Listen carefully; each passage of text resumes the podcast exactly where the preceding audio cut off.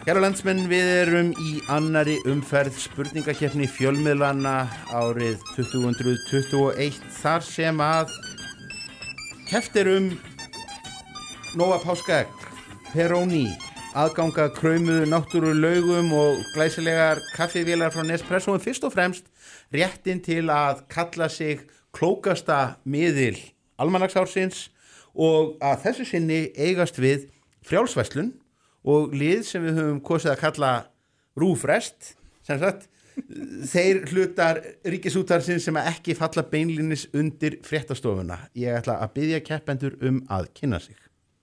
Yngvar Haraldsson heiti ég, frálsið Veslun Júlíus Þór Haldarsson, frjálsið Veslun Stefán Eriksson, Ríkisútvarpinu. Og Hulda Gestóttir, ég er á Ríkisútarpinu líka Príðu Skott, Stefán Pálsson heiti ég er spurningahöfundur og dómari og Þráinn Steinsson er hérna með mér. Það er ekki eftir neinu að býða við þurfum að fá úr því skorið hvort liðið hefur leik. Við grípum til eh, hins skemmtilega leiks steittblað skæri og á þremur herra mínir, einn, tveir og það er, eru, eru rúf arar sem að hefja leik á móti frjálsri verslun. Fyrsta spurning uh, Ríkistörpið Árið 2008 hlutu Íslandingar silfurvelun í handbolta á olimpíuleikum. Það leiti til áhugaverðrar nýsköpunar því skömmu síðar stoppsettu tveir leikmannaliðsins fyrirtæki um framleiðslu hárgelsins silver eða silfur. Annar þessara aðtorkusömu aðtafnamanna var Lógi Girsson. Hver var hinn? Var það ekki uh, Björgun Páll Markvörður Það er hár rétt. Björgun Páll Gustafsson var, var framleiðandi með gél framleiðandi Lóga Girssonar. Svo geggjaði starfstundir uh, frjálsverslun uh, handbóltafélagarnir eru ekki þeir einu sem að hafa reynt að hasla sér völl í, í viðskiptalífinu eftir að hafa getið sér gott orð á öðrum vettvangi árið 2015 var stopnaður veitingastæður í Reykjavík sem sérhæði sig í frönskum kartöblum og mun hann enn vera starfrektur eftir því sem best verður uh, eftir því sem næst eru komið. Í eigandahópnum voru tveir kunnir tónlistarmenn annar var Ólafur Arnalds en hver var hinn? Frjálfsveslun Það var hann Friðrik Dór það var hár rétt hérna er líka spurt um verslun og viðskipti þannig að menn er algjörlega á heimavelli hvernig læt ég uh, Ég hef mitt heyrið fyrst á hann þegar hann stopnaði hennar þátt sko. Nei, þátt. Nú vissur ekkert hver hann var fyrir hann fór í Nei, fransku hann fyrir hann fór í viðskiptin sko. já, já. Já. Það, var bara vör, vörumerkja skrá sem að kom þér á á spori, við vist vel á þetta heyrðu uh, Rúfólk, við skulum hlusta á Bubba Væri bandið í sandamenn en þeir finna þar enga ró. Flestir þeir ungu komnir söður þar sem að draumanum er nóg Langaði maður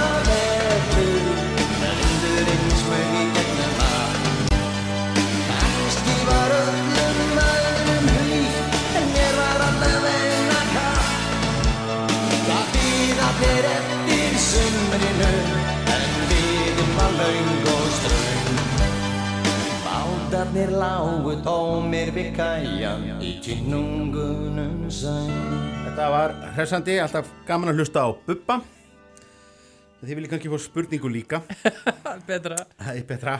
Í læginu Aldrei fór ég söður lýsir Bubbi ungum manni í tilvistakreppu sem íhugar að flytja söður. Í tekstanum upplýsist að sögumadur hefur orðið fadir. Barnsmóðurinn er ekki nafngreint, en pappennar. Hvað heitir hann? Sætastúlkan hans Binni gröf. Bensi Gröf Bensi Gröf. Bensi Gröf var það ekki? Já, já, já, Bensa í Gröf, Binni Gröf var hannar já, já. Segjum bensa í gröf. Bensa Vel ykkur. gert, vel gert. Já, já, Já, ég var komin til Vestmanni Þegar ég var réttur um 17 um sömari barsnir frétt að sæta dúkkan hans bensa í gröfari orðin Kass og Létt. Já, já, við hlustum meira á Bubba, frjálsverslun, ego öllu heldur í þetta skiptið. Á kvöldin kemur læknirinn, segist vera vinur minn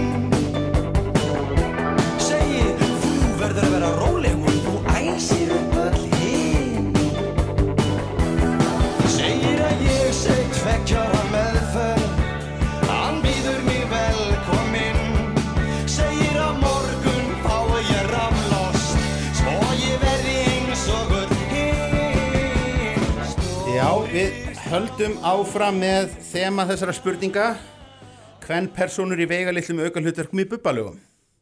Stórir strákar fá raflost var hörð ádela á geðhilbriðiskerfið á Íslandi, bubbi á í samskiptum við lækna og hjúgrunafræðinga en kveikjana þeim samskiptum í tekstanum voru þó ekki veikindi hans sjálfs, heldur vinkonu hans. Hvað heitir vinkona bubba í læginu? Hugmynd? Ég er bara ekki eins og því sem ég hef nokkuð tíma að laga aður sko. Kemur svo kynslu á bíl í ljós hérna. Ah, hérna hér. Ég hef nú heyrt þetta en, hver vinkonan var sko. Ef að taka hérna líkurnar bara, Guðrún. Já, er það ekki? Segjum Guðrún. Með allt yngar nöfnum. Það er ekki rétt rúf. Já, og það gæti, hún gæti svo sem hafa heiti, heita Guðrún, en, Já, en eh, við höfum ekki heimildir um það. ekki nákvæm heimildir um það. En þeir ringdu í morgun og, sagði að Lilla væri orðin óð. Þannig að það var Já. lilla vinkonans. Og síðar í læginu það átt að setja Lillu í raflost, hann bauð mér að horfa á, Já, sem að, að, að var nú ekki, ekki, ekki, ekki fallegt. Já, heyrðu, þetta Bubbi skilar vel fyrir, fyrir rúf sem að hefur þar með náð nokkur í fórustu, en það er nóg af spurningum eftir í pottinum. Og uh, Ríkistúrspið, spurt er um Evrópska borg. Hún er einn stærsta hafnaborg Evrópu og mun vera svo borg álfunar sem tekur á móti flestum farþegarskipum á ári hverju. Saga hennar er gömul og telja heimamenn að hún hafi verið stopnuð og beri nafn föður einhvers kunnasta herfóringja sögunar. Fyrir því eru þó ekki óeikjandi sannanir. Mikið uppbyggingaskeið hófst í borginni á nýjunda áratug síðustu aldar og stendur það enn. Borgin hefur haldið olimpíuleika. Hver er borgin?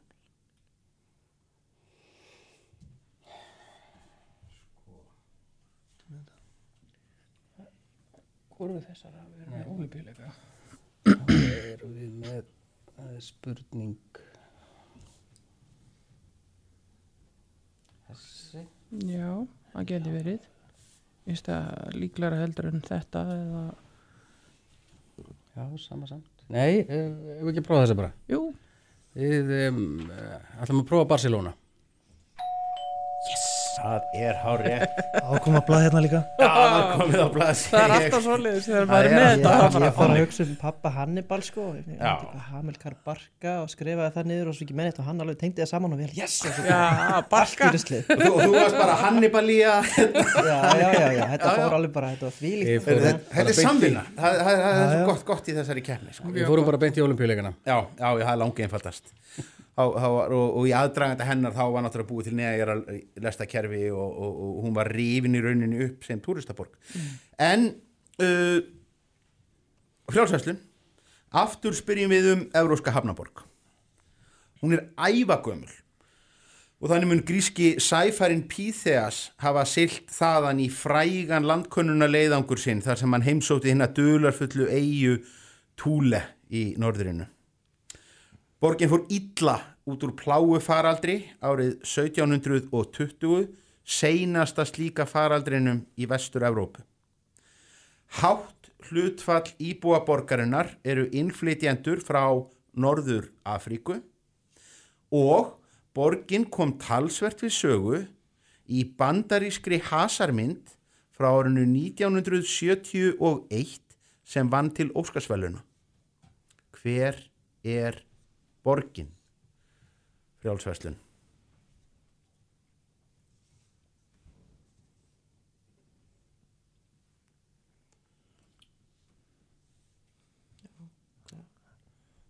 Þetta með eitthvað betra. Nei. nei, nei, ég, já, segjum þetta bara. Heyrðu, Við ætlum að skjóta á Marseille. Lóð þarf að skjóta það, það er bara hár rétt. Vel gert. Og, og, og hérna, kveik, hvað var það kvikmyndin sem að, að gaf ykkur þetta? Eða? Ég, ég hérna, Ég veit það ekki almennilega, sko. Nei, Það hér- hefur ekki verið bara heimsóknin hérna á EM 2016, sko. Já, hér, hér var náttúrulega sko fi- fiskað eftir, eftir The French Connection Já, þar sem að myndin kemur bara- talsvert við sögu sko, ja, borgin uh, Það dró aðeins saman með liðunum. Staðan er þó fjögur tvö uh, ríkisútvarpinu í vil sem fær næstu spurningu. Uh, Sú var tíðin að ævisögur röðuðu sér í efstu sæti allra metsölulista bókabúða. Sú tíð er liðin eða hvað? Það koma nokkrar æfisögur og, og, og komu nokkrar æfisögur og minningabækur kvenna út fyrir síðustu jól. Einn þeirra var saga Katrínar Tönju crossfit mistara svo bók bar stuttan og töffaralegan titil raunar bara eitt orð með skýrskotun í íþróttasögu íslenskra kvenna hvað hétt bókin? Dóttir. Alveg með það á hreinu Lastu bókina?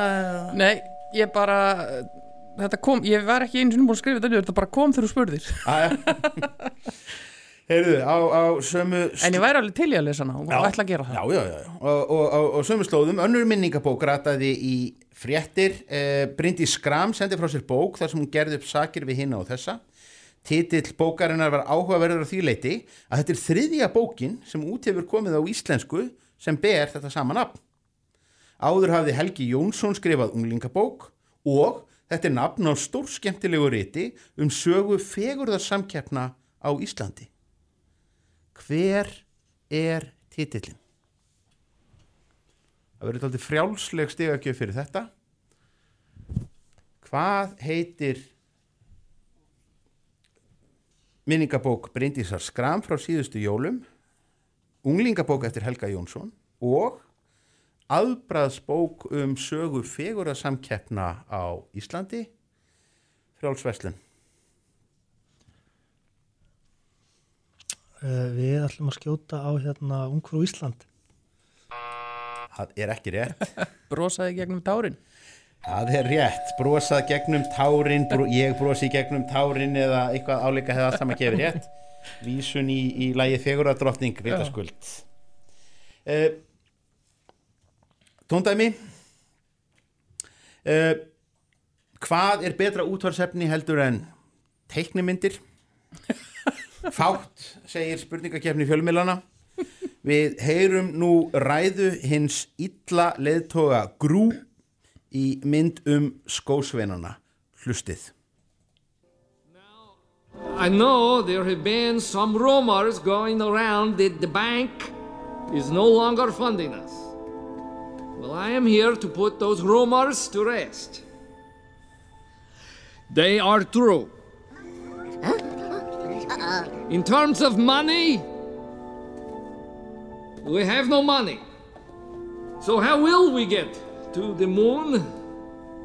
The answer is clear. We won't.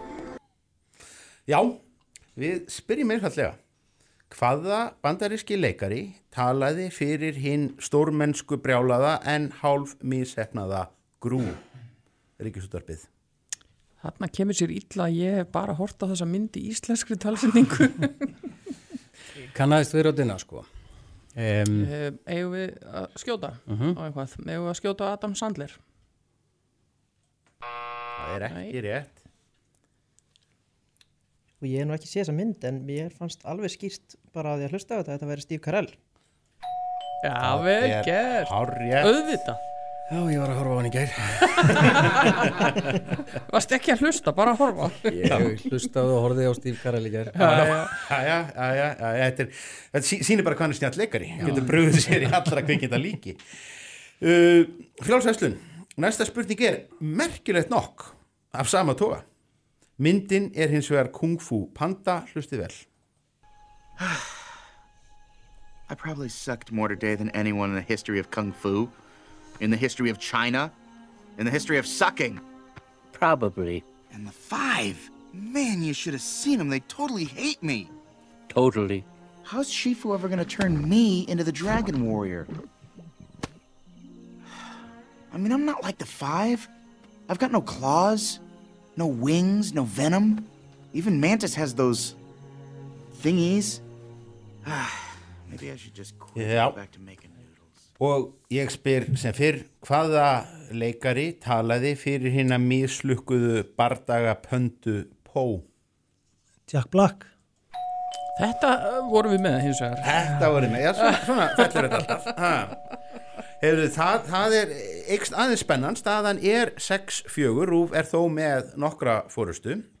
Um, íþróttir og Rúf svarar á undan. Velunin Íþróttamaður ársins hafa verið veitt frá árinu 1956. Árið 2014 hlaut Jón Arnar Magnússon þau og var þar með aðeins annar körfuboltamaðurinn í sögunni sem var þess heiðurs aðnjótandi. Hinn hlaut viðurkenninguna árið 1966 í tilefna því að Ísland náði bronsvelunum á Norðurlandamóti í Körfu.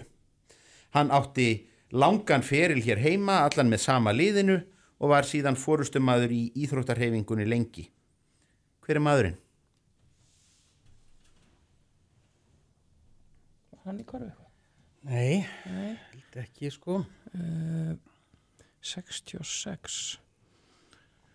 Uh, uh, uh, þetta er svo snemma maður, þetta er alveg þetta talandi um kynnslóðabil, þetta er meiri sér fyrir okkar tíma sko. Ég, ég spura keflingum körfubólta, það er enga samúð þér. Nei, en, en sko ég, ég er náttúrulega blóma tímabili þegar maður var mest að fylgjast með þessu það var nú svona bara upp úr 90 og eitthvað sko. Jú, jú, jú, jú. en mm, vitunum við eh, ef að skjóta Við getum alveg prófað að skjóta en það er líklega einhver í íþróttarhefingunni sem á að kveikja á perunni hjá okkur. Já, fórustum aður í íþróttarhefingunni en samt fættur uh, á þeim tíma að hann hafi verið farin að spila körfu á efsta stíi 1966 Akkurat, sko. Mhm. Og um, sko, ég held að Pétur Guðmundsson hafa aldrei fengið uh, þennan titil Hann og hann var líka uh, kannski, ég man ekki hvað ár hann er fættur hann var ekki byrjaður að, að spila Nei, körubólta þessum ekki- 66. Nei, ja, það passa nefnilega ekki ég Þannig að þetta er einhver forsvarsmaður í e, íþróttarhefingunni sem að við erum ekki alveg að kveikja á hver er. Sko, Þannig að það, það er bara einn maður sem kemur bara alltaf upp í hugan á mér þegar ég hugsa um svona eldri körubólta hetjur en, en það þarf ekki endilega að vera að það sé rétt Kóttu bara með það. Einar Bollarsson Einar Bólsson er afbrast á gískunur, er ekki. ekki rétt. Frjálsveslin, eru þið einhverju nær? Nei, við erum bara enn fjær en þau sko ha, Þú varst sérstakur fréttar hérna, Já, ég átt að sjá um hérna spurningarna sko frjálsaveslunar, þannig að þú fær heiðurinn að þessu Já, ég hef bara ekki hugmynd þar, kom það ekki. Heru, þetta er Kolbett Pálsson, káeringur sem var formaður Köruknóttleiksnabansins til, til margra, margra ára og er mjög sár heima yfir að- að að- að Fyrirgefðu. gleymdur. Uh, Alls ekki gleymdur. Nei, nei, nei, Nei, þetta, þetta er bara, þetta er okkur að kenna. Hér er fólk undir mikill pressu að keppa vissulega uh, og, og uh, frjálsveslun 16 af fyrstu 30 skiptunum sem velunin Íþróttamæður ársins voru veitt komuðu í hlut frjálsíþróttafólks. Mikil breyting hefur orðið á því því að engin keppandi í frjálsum íþróttum hefur komist á stall á þessari öld. Það gerðist síðast aldamóta árið 2000. Hvaða frjálsýþróttakappi var það?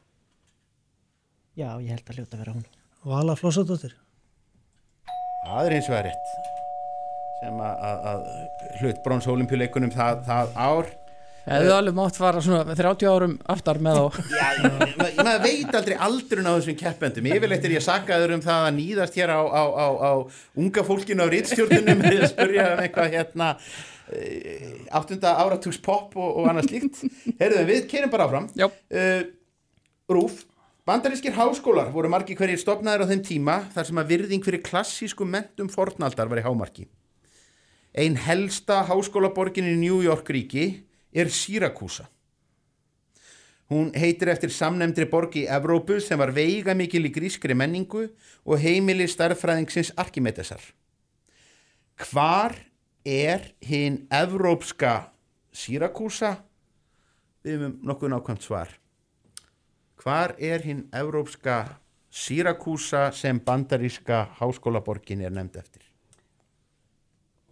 Þurfum að fara í þess átt, er það ekki? En, mm. ég hef bara komið til Syr Syracuse, New York en, en ekki, ekki Evrópu Já. þetta er utan uh, þess svæðið sem ég ferðast um um æfina já ekki ólíklegt við séum á, á þessum slóðum þessum slóðum en, en væri það ekki of, og augljóst of augljóst þetta Já, hjá Viltu vaðið þetta? já þú hann segir, um nokkur nákvæmt svar En að segja land, Í, í, hvað, í hvað, hvað, hvað eh, áttu við? Ég til dæmis ekki gefa, gefa rétt fyrir, fyrir nafn á, á, á núverandi Evrópuríki. Ah, þannig að við erum þá að tala um, um uh, ríki eða land sem hefur Já, ég, ég, ég, ég, segi, það, þið þó þá að nefna þá frekar hér að eða svæði eða, eða, eða einhvað slíkt. Ég myndi byggja um, um, um austfyrði en, en ekki Ísland, svo, svo, svo dæmið sé tekið. um að gera að vera mjög hörðu Hér er maður sem að veit svarið Styttist greinlega væntum að fá, fá, fá svar. þá ekki bara fara til Aþenu í Greiklandi?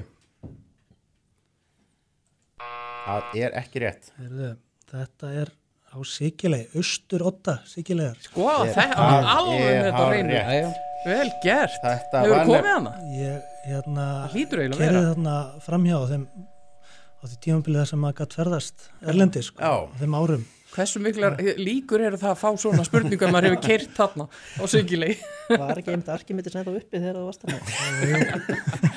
En við vorum sko með Ítalju á já. En við þor, það var greinlega of, í, Ítalía hefði ekki, ekki, ekki Nei, dögað, nei. sko. það hefði orðið, orðið, orðið að koma staðsetning á því frekar.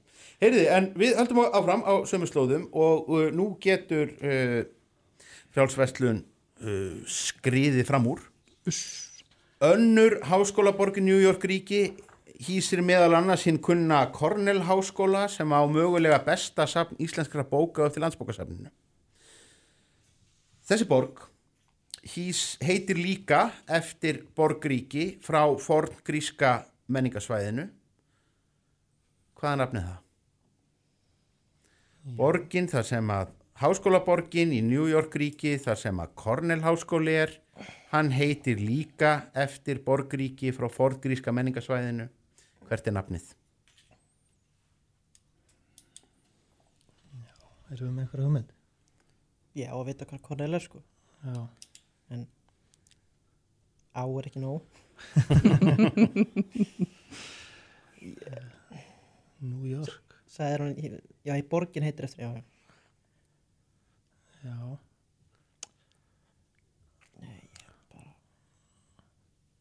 Fá. hljóti nú að vera með eitthvað einhverja, Ég við verðum ekki sko eitthvað sko. einhverja forngríska borg? Ég hugsaði strax um fylki ákveðið en það náttúrulega Já. getur ekki passað. Hvað heita þessar borgir? Eh, Sem borgir allar, það heitin allar eitthvað. All, allar heita það nú eitthvað, Já. en nú skulum við fá Já. bara svar eða ágiskun eða pass.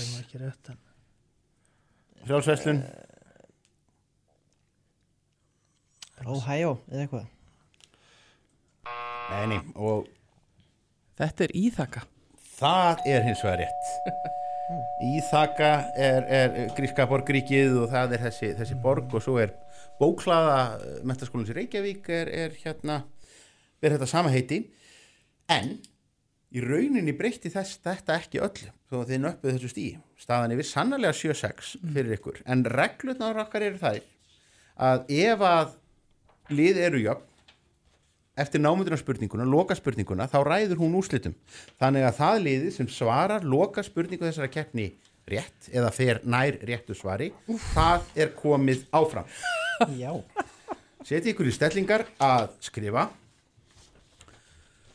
Reykvíkingar voru samkvæmt opinberum tölum 130 og 1136 á síðasta ári. 131.136 það er mikið af fólki. Nú er spurt og beðið um nákvæma dagsetningu og ártal. Hvenar urðu reykvikingar 100.000 talsins?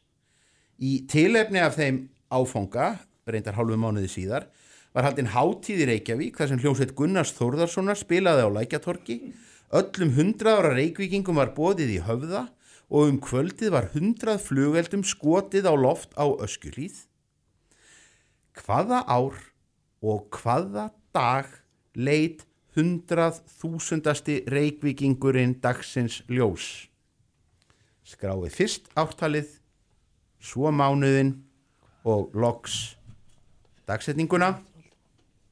Hundrað ára reykvíkingar fengu kaffibóð og hundrað rakettum var skotið á loft. Þá skulum við fá liðin til þess að skrifa svörin á blaðið. Við sýnist að ríkisútarfi sé ekki í vandræði með þetta, frjáls verslun, leggja kannski meiri upp úr nákvæmni með þeir tölfræði gagna Já, vegna, skrifið Kom- það niður já. og við réttum liðin rétta svörin á loft uh, núna uh, það er giskað á 16. ágúst árið 2000 og 15. mæ 1998 Þið rétta er að þetta gerðist 12. februar árið 1992 Frjáls Vestlun hefur farið með sigur á Holmi 7-7 er úrslitin í keppninni en námundra spurningin ræður úrslitum í fyrsta sinn hér í ár Takk kærlega fyrir æsispennandi keppni Uss, þetta var svakalegt. Já, góðu landsmenn, það er spurningakeppni fjölmiðlanna árið 2021. Stefán Pálsson heiti ég, spurninga, höfundur, dómari og spyrill. Með mér er þráinn Steinsson tæknimaður og hér eru komin tvö hardsnúin lið. Útvarp Saga og K100 í uppgjöri ljósvaka miðlanna hér á, á, í annari umferð og ég ætla að byggja kappliðin um að kynna sig. Já, góða kvöldið. Kolfinna Baldvinsdóttir. Ég heiti Magnús Þór Hafsteinsson Einar Bárðarsson. og Lóði Bergman. Stór gott. Þá er eitt sem að þarf að gera. Við þurfum að fá úr því skorið hvort liðið hefur keppni því að hér er notast við vílspurningar sem að ganga á milli liða og til þess notum við skemmtilega samkvæmisleikin Steinblad Skæri og já, mér, mér sýnist að mér sýnist K100 að hafa farið hér með Sigur á Holmi Já. í, í yngveri af þessar, þessum mælingum Ég veit ekki einu, eins og í hverju ég var að keppa Nei. En ég tók bara, Steinblað skæri. Ég tók bara friðamerkið Já, já, Það er er rétt- það er rétti andin en, en það skiptir líka engu máli hvernig, hver, hver er undan. Þó auð- auðvitað kennir með því alltaf um síðan Já, þegar já, illa, við fer sko. já, Við já, já, vorum meira spáði að fá að keppa undan vindi fyrir hálfleik. Eh, Þið eru nú á, á, á, á hálgerum heimavelli. Hafa nú verið hér viðlóðandi þessa, þessa miðla? Jú, jú. Við erum allavega ekki eins hrættir við þráin og margir getur verið svona við fyrstu sín Já, Það er ekki að trúfla okkur. Hann er, hann er, hann er ágæður, hann býtur ekki. Um, Dembum okkur þá í útvarstætti K100 byrjar að- að að- að svara, ég man ekkert hvað ég kallaði ykkur í síðasta þætti, það var eitthvað hérna. K1 K1, já, Já, já, erum-. Nei, nei, það, það var, það var, það var frum, frumgerðin. Uh, K100 byrjar að svara. Mín skoðun hefur lengi verið heiti á þáttum með íþróttafréttamanninu Valtí Bitni það hefur verið útarstáttur, podcast þáttur og um tíma sjónvarsþáttur Árið 2014 hóf hins vegar göngu sína spjall þáttur um stjórnmál á stöð 2 sem bar þetta sama nafn. Mín skoðun. Umsjónamaðurinn gengdi öðru starfi samhliða innan fjölmiðla samstæðunar en þátturinn var skamlífur. Fór í sumarfrí eftir nokkra mánuði í loftinu og sneri ekki aftur. Hver var umsjónarmaður hinnar pólitísku útgáfu af minni skoðun? Mikael Torfarsson. Það er hár Er rétt. þetta ekki ósangjart? Ég meina að þeir, þeir, þeir, það er ná lág í augum upp að þeir vissi svarið. Já, þetta er nú sko, ég, ég, ég nota mér til afsökunar ég Einar still- bara svona ákynnsum Nei, og veit ekkert um pólitík hef ekki stofnað neina er vitandi Ekki nýlega. En hérna, ég nota mér til afsökunar að spurningum er hér stilt upp áður heldur en að, dreigja niður á lið. Þannig að þetta er, þetta er slempið sem að ræður. Og við höldum okkur við pólitíska spjallþætti að þessu sinni á, í útvarpi og á netinu. Uh, K100 sem að er einmitt stætt hér og, og mbl.is heldu um tíma úti þættinum Þingvellir þar sem að tveir umsjónarmenn skiptust á sitt hvora vikuna fengu gesti og gangandi til að ræða þjóðmálin nefnið annan umsjónamannin tveir umsjónamenn sem báðir tengdust pólitík heldu úti pólitíska spjallþættinum Þingvellir sem var varpað út á MBL vefnum nefnið annan umsjónamann En nóg nefna annan. Já. Um, Palli, Það- Þingmaður Suðurkjördæmis. Já, já, já, já, við kemur rétt fyrir Palla, Palla Þingmann Suðurkjördæmis, Páll Magnússon Páll Magnússon að sjálfsögðu. Já, já, Bara já, já. Blokkaði hjá mér. Já, já, þá Páll Magnússon fyrir um útastjóri og svo var Björt Ólafsdóttir það. fyrir um ráð þegar var, var, var, var hinn umsjónamaðurinn Er þetta að byrja með látum, það er eitt eitt uh, við förum í tóndæmi það er að þessu sinni ræðustúfur K100 hlusti vel því að þið svarið á undan Da Dansk Folkeparti blev stiftet i 1995, blev vi hånet. Vi og jeg blev mødt med hån og spot. Ingen troede på, at vi kunne lykkes. Når jeg tænker på det i dag, så kommer jeg tit til at trække på smilebåndet. Ikke fordi det var særlig sjovt at gennemleve. Men vi vidste, at vi stod for det rigtige. Vi havde gejsten uanset, hvad der skete mod os. Hvordan man talte om os. Hvordan man talte til os. Þetta var brot úr ræðu sem var flutt á síðasta ári K100, hver talaði?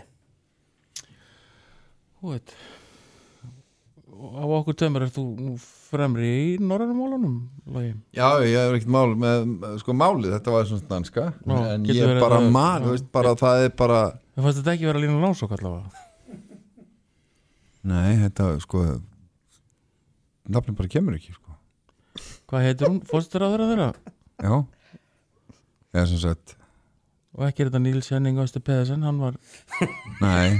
Hann var hljómað ekki svona. Það er ekki stringurinn. Það er bara, þú veist En það er útilokað samt. Já, já, og þetta er, þetta er enginn úr Olsenbanin heldur sko, Nei. þannig að þetta er þetta Per eitthvað? Þau eru ekki rólu og kyn. Nei Ég er bara alveg tómur, ég bara, það bara kemur ekki. Það er ekki að fara að koma að fá við það þá frá, frá uh, útarpi sögu. Já, þetta var Íslandsvinnurinn Pía Kjerskort. Íslandsvinnurinn Pía Kerskort það er hárrétt. Uh, og þá er það útarsaga og enn þurfum við að sperra eirun Stilla veckan leder oss... eh, Det är en tid då man eh, gärna vill resa och, och kanske umgås med eh, släkt och vänner och många går i, går i kyrkan. Men eh, en del av detta kommer inte vara möjligt denna påsk. Det måste vi acceptera. Vi måste tänka om, ställa in oss på att stanna hemma. Ja, det var fallegt tungumál á að hlýða hver flutti þessa ræðu fyrir á þessu ári? Já, það er Steppi Löffel Fósættisræður að Svíþjóðar Það er ekki rétt Ah. Rétt land Hvað fáum við svar frá K100? Ég man sko bara ekki eftir einum norrænum stjórnmálamanni bara núna, það er bara tómt í höstum á mér ég man Já. ekki eftir stjórnmálamannum í norðaustur kjördæmi sko. Ég ætla að reyna Ég Ólu það. Pal, Palme en hann náttúrulega sagði Nei, þetta nei. þessu ári Já, þetta er Ég skildi ekki bara, þetta er bara eins og að sé gat í hausnum á það sko. Ég hef ekki, ekki ég er, ég er ekki góður í sænskum sænskum stjórnmálum Ég er ekki nógu mikil grati Það er skömm að því Já, skömma því, Kolfinna Sest, já, en þá Sérstaklega þessum Má ég- félagskap má ég geta? Já, Þú fáum ekkert stig. Já, það má ekki skað þú sent sér Var þetta Ingvar Karlsson? Nei, nei, Nei, nei, nei. Heyrðu, við, nú fáum við bara leiðinlegu frekju hérna rántutrununa Heyrðu, þetta var bara kongurinn sjálfur. Já, ég er ekki þetta í það, kóngur Þetta var Karl það hérna. Gustaf sem að þarna já. hérna með ræðu. Já, því hann var með einhverja skoðanir hann er ekki pólitíkus. Hann er ekki pólitíkus Ha, Hann er ekki, Hann hann er ekki stjórnmálamann. Þetta var, aldrei sagt að þetta væri stjórnmálum Nú það var var það. bara spurt hver hefði flutt þessa ræðu sko. Já, já, já, já, já, já, já. Heyriði, en gott og vel uh, K100 Íslenska víðurnefna eða uppnefna hefðin hefur nokkuð látið undan síga í setni tíð, engum á höfuborgarsvæðinu. Það þykir ekki fínt að vísa til manna í ofinberi umræði með víðurnefnum á sama hátt og áður tíðgæðist. Á því eru þó blessunulega einhverjar undantekningar. Nú spurt, undir hvaða nafni er Þorvaldur S.K. Nordal, kaupsíslumadur á Holmi, betur þekktur? Þorvaldur S.K. Nordal, kaupsíslumadur á Holmi. Undir hvaða nafni er hann betur þekktur? Kaupsýslumadur á Hólmi Ég veist Er þetta, er þetta úr, úr er þetta núvitund eða er þetta sögurspurning? Nei, þetta er, þetta er samtíma spurning. Þetta er samtíma spurning? Já, já, já, já, já, Þetta gengur út á það. Býtum Þessa- við, Þorvaldur Þessa, þessa deyjandi, deyjandi íþrótt, hérna uppnefna og, og, og, viðurnefna. Já, en fyrir vestan gerðu þetta bara þannig að ef að einhver stál einhverju frá því þá varstu kallar engill en ef, einhver, ef þú stálst einhverju þá varstu Nei, hvernig, það var akkurat döfut, það var skallar hverja hann, Já, og svo, kentur við ömmur og, og afa í, í, í, í marga ætlið en nú, nú erum við að gefa K100 auka tíma. Við skulum ekki gera það. Við viljum fá svar frá Herðu, K100 við segjum bara valdi kaldi. Það er ekki rétt. Mér fannst þú ekki að óminni með útvarpssaga? gláðust á SK Já, við getum fengið að svara núna. Ég, Já. Þetta er náttúrulega bara skot í myrkri sko. Þorvaldur Ríki Nei.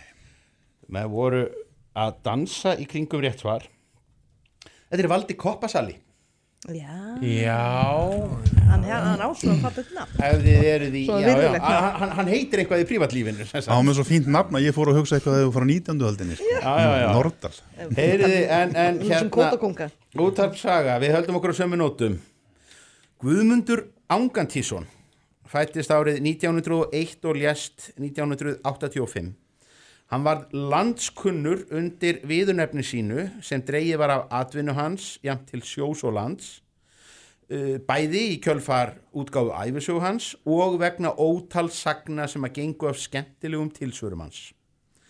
Undir hvaða nafni var Guðmundur Angantísson landsfrægur? Saga. Fættist 1901 1901 og lest 1985. Æfiminningabók hans var margföld metsölubók og allir kunnu sögur af, af, af, af honum. Fáum við, fáum við ágiskun frá, frá útarpi sögu?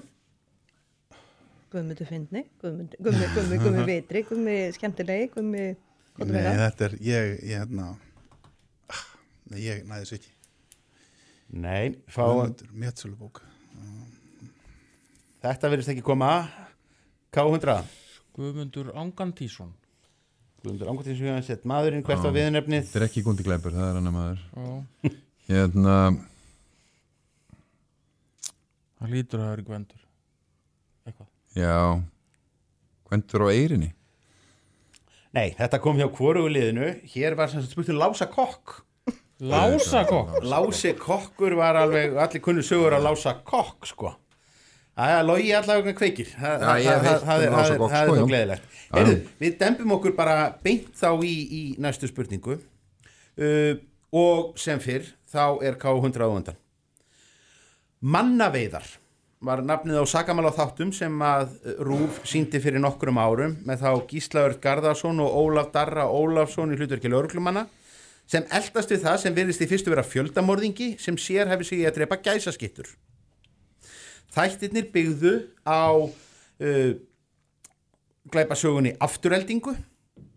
Hver var höfundur hennar? Hver var höfundur glæpasögunar Afturelding sem var síðan fest á filmu í þáttunum mannaveiðum og lögreglumenn eldast við það sem menn telja að sé fjöldamorðingi sem að ákveði að snúa veiðileiknum gæsunum í vil. Þetta er sko Og hver á að svara fyrst? K100 svara er fyrst. Nei.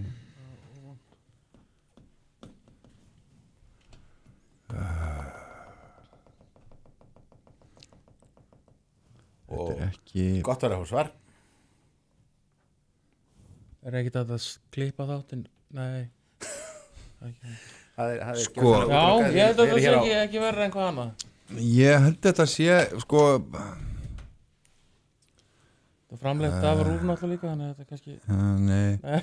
Ég sko, ég held ég veit ekki hver þetta er En ég man ekki hvað hann heit fullnafni Þannig að ég ætla að giska á Ævar Örn Jósefs. Það er ekki rétt svar. Út af saga. Já, uh, við þekkjum ekki heldur til en við ætlum að giska á Ragnar.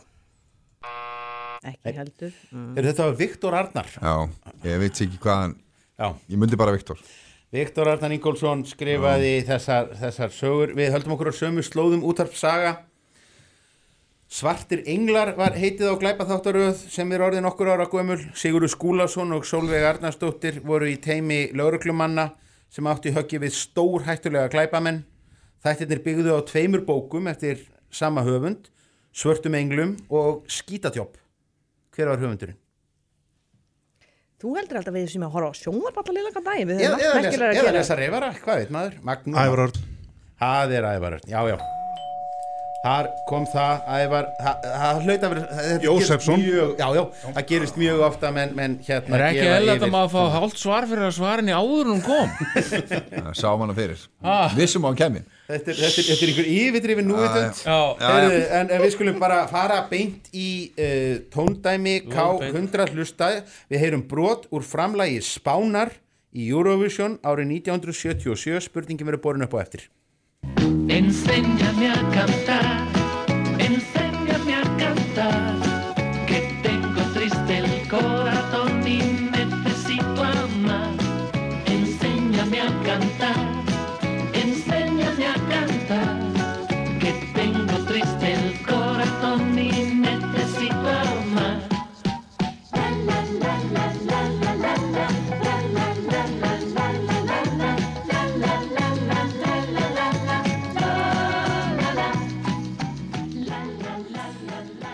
ekki að gera örlítið meira? Eigum að vita hver, er fylgjandi. ef, við spilum þetta mikið lengra þá þurfum við að borga stefgjöld þannig að við ætlum að, að lækka, lækka núna og við náum, náum hérna að, að, að þeim mörgum Ensenama Kata- Kantar mátti sæta sig við nýjönda sætið í söngvakeppninni árið 1977 Íslendingar þekkja lagið í allt annari útgáfu og með gjör ólíkum texta um hvað var íslenska útgáfa þessa lags? Er verið að spyrja okkur eða? Það er verið að spyrja K100 Ég get svari fyrir það. Er þetta fullorðið kemni? Ég, þú veist, ég kannast við Ég kannast alveg við þetta lag. Ég, Þetta er eitthvað Þetta var, hérna Þetta er um, líklega um hvernafar Njá, sjómennsku. Já, þetta er svo tími. Sjó. Við segjum sjómennska Sjómennska er alveg rækilega rámt svar. Fáum við svar frá útarpi sögu? Já, en semst að það sem að þessi manneski var að syngjum, hún sagði, kendu mér að syngja, en ég sannjar með, kanta. Já, já, en uh, íslenska útgáfan. Já, Eh, og þú sagðir að það var eitthvað allt annað sem að íslensku útgána Já, snýrum allt annað sko. Um hvað var íslenska útgáfan sem að sennilega fleiri þekkja heldur en spænsku Eurovision útgáfana 1977 þetta var eitthvað, já, ég- Ég held að þetta sé bara ekki að koma. Ég er yngri en þú, þú átt að Já, kunna þú þetta. kannst spænsku Það er alveg sjóðheit óskala sjúklinga sko. Ég, ég, sjóðu þetta óskalur sjunglinga Ég held að við séum bara að, að, að, að kalla þetta bara null og við fáum bara svarið hjá þráni. Og foss og björn með brandara Ah. sem bregðast nokkuð oft. Kalla Marja, ekki Þeir eru ágæti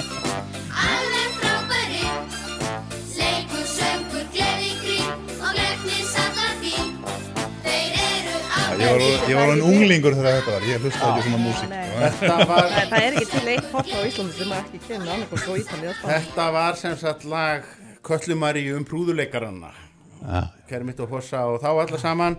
Og, og vonandi hefum þá allavegna uppskorið það að einhverjir eru búin að fá lagið um prúðuleikarna með Köllumari á heilan Já, Ég var náttúrulega sjö ára þá, en hún kallar mér að flutti síðan til rétt. Þannig að men, men, menningar þræði til liggja víða. Þetta fjall uh, algjörlega dögt. Sjáum hvort að, að þetta verður eitthvað betra núna. Útvarsaga svarar á undan. En hlustum við á lög sem við þekkjum í öðrum útgáfum.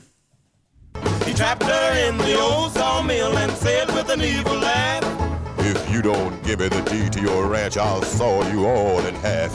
And then he grabbed her. And, then he tied her up. And then he turned on the buzzsaw. And then, and then, uh, and then along came John. Talking John. Slow walking John. Slow talking John. Along came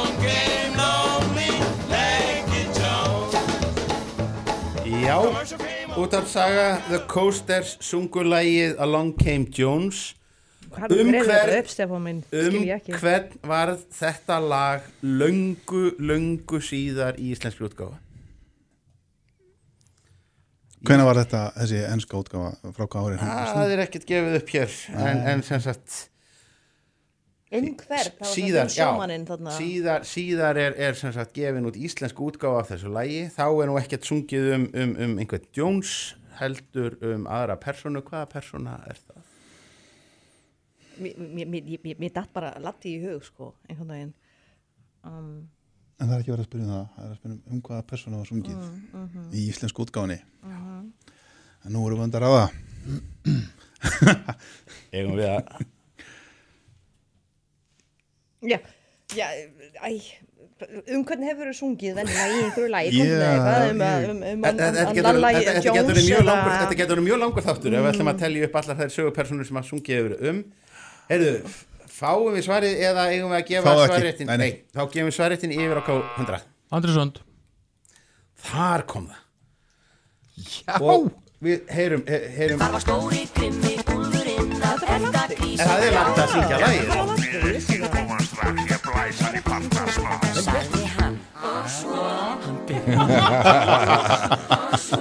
Hann blés húsið um svo Hann reyðist á grísum og tróðum hann í stóran svo En þá kom Andres Já. Eins og ég segi, þetta eru, eru þetta, þetta, þetta er spurningakefni sem að bjarga nútíma klassík og, og hérna rifjar hana upp í, í, í, í sífellu. Uh, og þar með hefur K100 aðeins náða að- að að mjóka bilið eru þó þrjú tvö undir en svara fyrst. Við hugum að sígildu spurningaefni í keppni sem þessari. Fánum þjóðríkja. Evrópuland nokkurt er með þverröndóttan þrílitan fána. Efst er rauður litur sem sagður er tákna blóð þeirra borgara landsins sem hafi verið drefnir á svífyrðilegan hátt á nágrununum. Í miðjunni blár, hann er sagður tákna himinin. Neðsti liturinn er sagður tákna hugrekki þjóðarinnar. Hann er appelsínu gulur eða öllu öllu lítur sem hefur verið eh, svona kallaður aprikósu gulur og liggur miðja vegu milli guls og appelsínu guls. Hvaða land í Evrópu á þennan dramatíska fána? Rauður efstur blár í miðjunni og einhvern veginn aprikósu gulur neðst. K100 svarar á undan. Þetta er ekki eiga Það er ekki Nei, mikið sko Þetta er Þetta er annað hvort niður við um, hérna niður við Mýrahafi eða upp í, upp í Appelsínugulu, ég veist það er eitthvað nýju Európu Nei, þetta er bara Austan tjálds eitthvað gamalt Þetta lítur á hollendingar What? Já Er hann ekki er, Já, ok Er, er, er, er það ekki Það er ekki rauður Er og ekki blár. það sem er að hafa þessa appsínugulu ást sína Hver voru mikið að drepa hollendinga? Það var alls Bara konar allir fólki bara? Já, já, það var alveg Það var bara ekki að drepa gengið yfir landið bara Heyrðu, við- Engin við fjöll fáum Við segjum Holland Holland bara? Það er bara ekki rétt. Já, við heyrðist það, já. Út af saga. Makedónia. Ekki heldur. Þetta er Armenia. Armeniatin, það voru Ah. Tyrkinir fóru ansýtla með þá og þeim, þetta er svona liggur dálítið þungt á þeim og þessi appelsinu gulli eða aprikósu gulli litur er alls sérstakur hjá þeim. Uh, Saga, við höldum okkur við evróska fána Land þetta hafði lengi vel þá sérstöð í heiminum að vera það eina sem notaðist við brúnan lit. Það er kannski frekar rauðbrúnan lit í, í fána sínum sem var einnig svartur og hvítur. En fyrr á þessari öld var nýr fáni tekin í gagnið. Hann er Á hvaða öll, þessari öll? þessar öld, fyrr á 21. öldinni þá var nýr fáni tekin í gagnið. Það er rauður kross á hvítum feldi bara eins og enski fánin nema það að í hverjum hvítu reytana fjögura er annar lítill rauður kross. Svo kallar bols, um, bolsnísi hérna krossar sem að vika út. Hvert er Európulandið? Európulandið Európulandið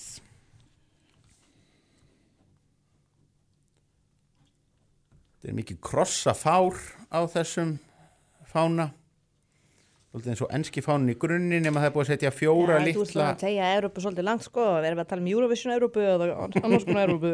Um, menn eru fá að vera með Eurovision þá eru þeir Európmenn fyrir mér já, við snýtt, við erum með trans... Ég skal ástæðlega ég skjóta? Ég ætla að skjóta en sko ég er ekki eins og vissum hvort að landið sé í Asíu eða Európu svo ég minn þá Nei, Georgía Ég er í Evrópu. Er ekki Európu? Jú, jú. Það er í Európu, þá sé ég Georgia og það er rétt yes. með þetta allt á hreinu. Georgía tekur þátt í Eurovision líka. Georgia tekur þátt í Eurovision. Já. þetta er, þetta er allt, allt, Sér þetta er ekki með núna. allt smættast þetta nú nýður í Eurovision. Já, ha, það er gott að hafa það það er gott að hafa það þannig. Og, og hérna við förum hér í, í sakfræðina, hún er kallað eftir henni hér í, í, í þessum, þessum þáttum. Mér var sagt að það er einhverjar 80s tónlistarspurningar er það eru búnar, það eru Ég er búin, ég er búin að vera hérna með latta og köllumari Þú veist, hvað viltu meira. Heyrðu, Hérna, eh, K100 Á Já. fjórða áratugnum var Ísland ekki alfara leið og lítið um heimsóknu fyrirmenna.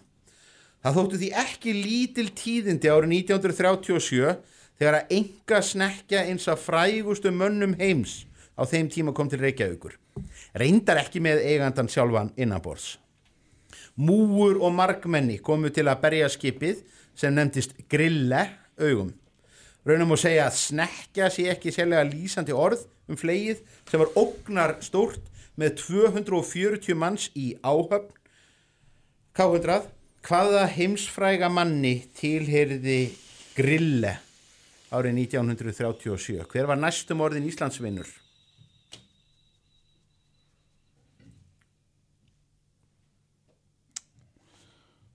Þetta er svakalegt prógram. Erfiða spurningar 240 Ég var að manns vonast á eftir ári einhverju Eurovision spurningu. Stefán. Er þetta ekki bara Sko, hann kom ekki til landsins. Kom ekki eins og til landsins. Þetta er ekki spurning. Nei, en menn, menn urðu afbúð, þetta, þetta, það, það var alveg nóg í Reykjavík árið 1937 að- að- Einhver ætlaði að koma bara. bá- Báturinn hans bara kom þetta hefur verið einhver konungur eða, eða bara Adolf Hitler sjálfur að- senda eitthvað. Þá hefði hann nú verið í einhverjum, einhverjum bókum. Já, hann hefur verið einhverjum bókum Ég... Ég Þetta ekki bara spánar konungur eða svíja konungur eitthvað það er engin með 250 og 40 manns í áhöfn bara sé svona nema að sé einhverju skattgreðendur á baka þetta sko. Og það er alltaf þeir sem er að borga skatt. Ég, að þessari hagfræðilegu nálgun í, í, í, í, í svörun en gott verið að fá svar hins vegar nema einhverju amerískur Já, sem ég hvað- já, uh, eitthvað svona Mér langar að segja Amundsen Já, prófaðu það bara Já, Amundsen Róald Amundsen er ekki rétt út af saga Adolf Hitler Adolf Hitler Nei! Alltaf, að segja það sem hann dettur fyrst í hug Já. og, og, og Mag Magnús Þór skrifað lítil sáttar um, um Já, ég geti, ég geti haldið lítinn fyrirlestur um örlög þessar skips Nú, já, já, þannig að, að aftur, aftur tekið það fram að, að spurningum er raða nýður áður heldur en að ljóst er hvaða liður að ekki keppa áallar sem svo Stefán að þú sitt búin að skipilegja spurningunum með það í huga hverju ég eiga að svara. Nei, nei, nei, nei, nei, nei. Það. Er þetta samsæðiskenning? Þetta er, það, það er, það er, eru, eru falsfréttir og upplýskóriða. Uh, útarpsaga, uh, árið eftir 1937. 38 1938, rétt. Uh, þá fengu Íslendingar aftur heimsók frá frægum manni sem að þessu sinni kom sjálfur á svæðið, sendi ekki bara flegið sitt. Um að ræða mann á nýræðisaldri. Hann var slæmur til heilsunar en naut gríðarlegrar virðingar. Á yngri árum hafði hann gengt herþjónustu í fjarlægum löndum en það var einmitt dvölin á þeim stöðum sem gaf honum hugmyndina að því að stopna fyrirbærið sem átti eftir að halda nafni hans á lofti. Stopnun þess er miðuð við árið 1908 en ekki liðu nema fjögur ár uns fyrirbæri þetta náði fótfestu á Íslandi. Nefnið annarkort Íslandsvinin eða segið hvaða fyrirbæri hann kom á lakirnar. Baden Powell og skátarnir Skátarnir, já, já, já. Kanski, ég, ég, kannski gamli skátar að keppa hér. Nei, nei, nei, æja. nei, ég lendi aldrei Ég í held því að þú myndi hefði líka það fyrirfram. Lent, lendi ekki í skátarhefingunni, það, ja, það er, það er þó kliðvægt að vita. Heyriði, útarpsaga og hér eru nokkur tíðindi. Útarpsaga hefur farið með Sigur á Hólmi. Hey, er þetta er spurning eftir. Já. það er námundur spurningin lokin, þannig að K100 getur svona aðeins bjargað uh, andlitinu. Eða ekki. Uh, eða ekki. Reynt, það að það, þið þurfum að skrifa svar og reynið að fara sér næst réttu svari. Ó. Það stýttist í alþingiskostningar og allir vilja komast á þing. Alþingi fekk löggjafavald árið 1874. 1874. Frá þeim tíma og til þessa dags hafa 683 setið á þingi sem aðalmenn var að þingmenn eru ekki taldið með. 683 Stengrimur Jóð Sigfússon var kjörin á þing árið 1983 Nú er spurt Hversu mörgum af þessum 683 hefur Stengrimur Jóð setið á þingi með? Já, í 37 ár. Já, af, af 683 þingmönnum, hversu margir eru samþingsmenn Steingríms Jóð Sigfússonar? Í 30 ár Uh, 74 til Já. 70. Við þurfum að reikna, 30, fáum við einhver 30. tíma í það. Þetta eru 100 og... Uh, Svo náttúrulega ímsa breytur, svo fjölgaði þingmönnum og, og svona, þannig að- að endurníunin jógst, sko, þetta er, þetta er, þetta er mörg að hyggja. Maður heyrir alveg selvutnar starfa, en Já. nú væri, nú er, væri gott að fá svör, það er komið svar frá K100, það er komið svar frá sögu á blað. Og þá ætla ég að byggja ykkur um að lifta blaðinu upp á þremur, einn, við tveir og þrýr 100 segir uh, út af saga 250 segir K100 og er töluvert nær vegna þess að réttasvarið 305 Stengrimur Jó Sigfursson 305? hefur setið á þingi með 45% allra þingmanna sem hafa. Hýst sali alþingis frá árun 1874 og vildi aðrir segja betur 300. Þetta þetta er þetta sem við köllum slímseta. Þetta er alvöru slímseta og við fögnum því og, og, og slímsetan verður hlutskipti útvarp sögu sem að þarf að mæta hér aftur á, á, á páskadag en K100 getur farið uh, narrist út enda uppskeraðir páskaegg við þökkum kærlega fyrir Takk að fyrir. Takk, takk. Góðir Íslendingar, við erum stödd í annari umferð spurningakeppni fjölmiðlanna árið 2021 eh, hér á bylgjunni á förstu daginn langa og nú eigast við lið fréttastofu Rúf og fréttablaði ég vil byggja ykkur um að kynna ykkur gott fólk Haugur Holm, fréttamár Rúf. Ólur Ragnarsdóttir, fréttastofu Rúf. Það er Ingun Lára Kristjánsdóttir á fréttablaðinu. Og Fandi Spinnarlóðdóttir hér fréttablaðinu. Glæsilegt, uh, keppendur eru með reglurnar alveg á, hreinu og það er til mikils að vinna. Allir fá hér gómsett páskaegg frá uh, Nova Sirius og, og, og svo er hérna Peroni og aðgangur að kröymu náttúru lögum og glæsileg kaffivél frá Nespresso fyrir liði sem fer alla leið. En við erum enn í annar umferð og við skulum bara dempa okkur í þetta og fyrst þarf að fá úr því skorið hvort liðið byrjar. Og við dempum okkur í steinblað skæri liðin eru tilbúin og á þremur 1, 2, 3 og Rúf fréttastofa fyrir hérna með sigur af, af, af, af Holmi og fær að svara fyrst hvort að það sé endilega fyrir lukku, það er engin, það er, engin, engin regla í því en Nei, við byrjum. sko. Rúf svarar á undan og svo fer svarrétturinn yfir. Spurt er um bæ á Íslandi Stór hluti gatnana er kendur við personu úr einni Íslandikasagnana Í bænum á finna geirabakari og bændamarkaðinn Ljómalind. Þá er í honum leikvöllurinn Bjössaróló sem valin hefur verið skemmtilegasti leikvöllur við þjóðvegin. Hver er bærin? Við erum alveg með þetta. Algjörlega, við segjum Borgarnes. Það er hár rétt. Rúf með puttan á púlsinum, fréttablaðið Við rífur þekkjum hár ról- sitt. þekkjum róluvellina, sko. Þekkir, Já, já, það það var róluvöllurinn sem að kveikta á þessu. Já, já. mjög gaman að róla. Já, já, heyru, við höldum okkur uh, á sömu slóðum uh, bæjarfélögum á, á Íslandi í bænum sem nú er spurt um fréttablaðið. Þar bera flestar göturnar viðskeitin mörk, heiði eða skóar. Þar má finna bílaþóttastöðina Úllabón og hárgreifslustofuna Gná. Sögufrægasta hús bæjarins var hins vegar teiknað á Guðjóni Samuelsinni árið 1930 og hafði tví þettu hlutverkja gegna. Var skrifstofu og samkomu hús fyrir sveitafélagið og hýsti skýrgerð þá fyrstu á landinu. Og þar er í dag rekin veitingastæðurinn skýrgerðin. Hver er bærin? Herri, það er hveragerði. Það er hárið þetta að byrja með látum og það gleður eflaust hlustendur okkar til sjáur og sveita að, fjórðavaldið þekkir landsbyðina. Já, já. já, já. Uh, við víkjum þá að fyrsta tóndæmi þessarar keppni og sem fyrr svarar fréttastofa Rúf á undan við heyrum tónlist. But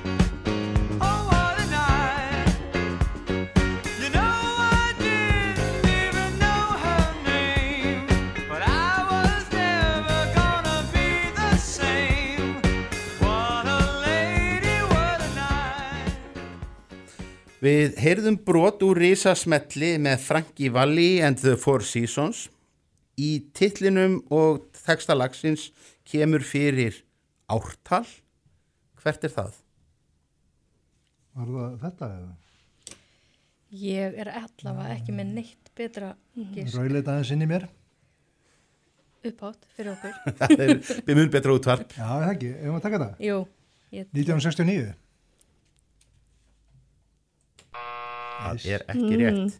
Þú mann síðast hvað ég monta með að vera mikið söngleika með því að sjálfsögðu var líka söngleiku sem er Jersey Boys byggður á sögu Frankie Valli and the Four Seasons og þetta er að sjálfsögðu 1963 Já, þetta. Ah, hér.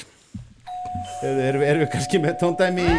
December back in 63 Við erum að keppa við sérfræðinga þetta. Ég sé, ég, sé það á heyri. Já, að- að te- að tekja fram að, að sko spurningunum er aða nýður áður hættur en að, að dreigið er út, út liðin uh, reyndar sem sagt mun, mun uh, upphaflegi textin sko vísaði í, í aflýtingu áfengisbansins og var svona mjög sagfræðilega nördalegur Mm. og, og svo þótti það nú ekki mjög svona fallið til vinsælda og þá var ákveð að tengja þetta frekar við sjönda áratuginn og, og, og einhver svona djam og, og, og, og snem býtla ár en fréttablaðið hefur tekið fórustu og fær næstu spurningu.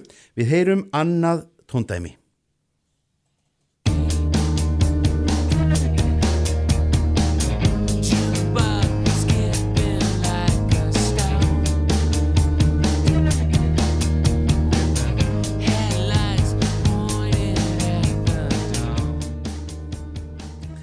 og enn heyrum við risasmell að þessu sinni með Smashing Pumpkins þar sem ártal kemur líka fyrir í titli og texta hvert er ártalið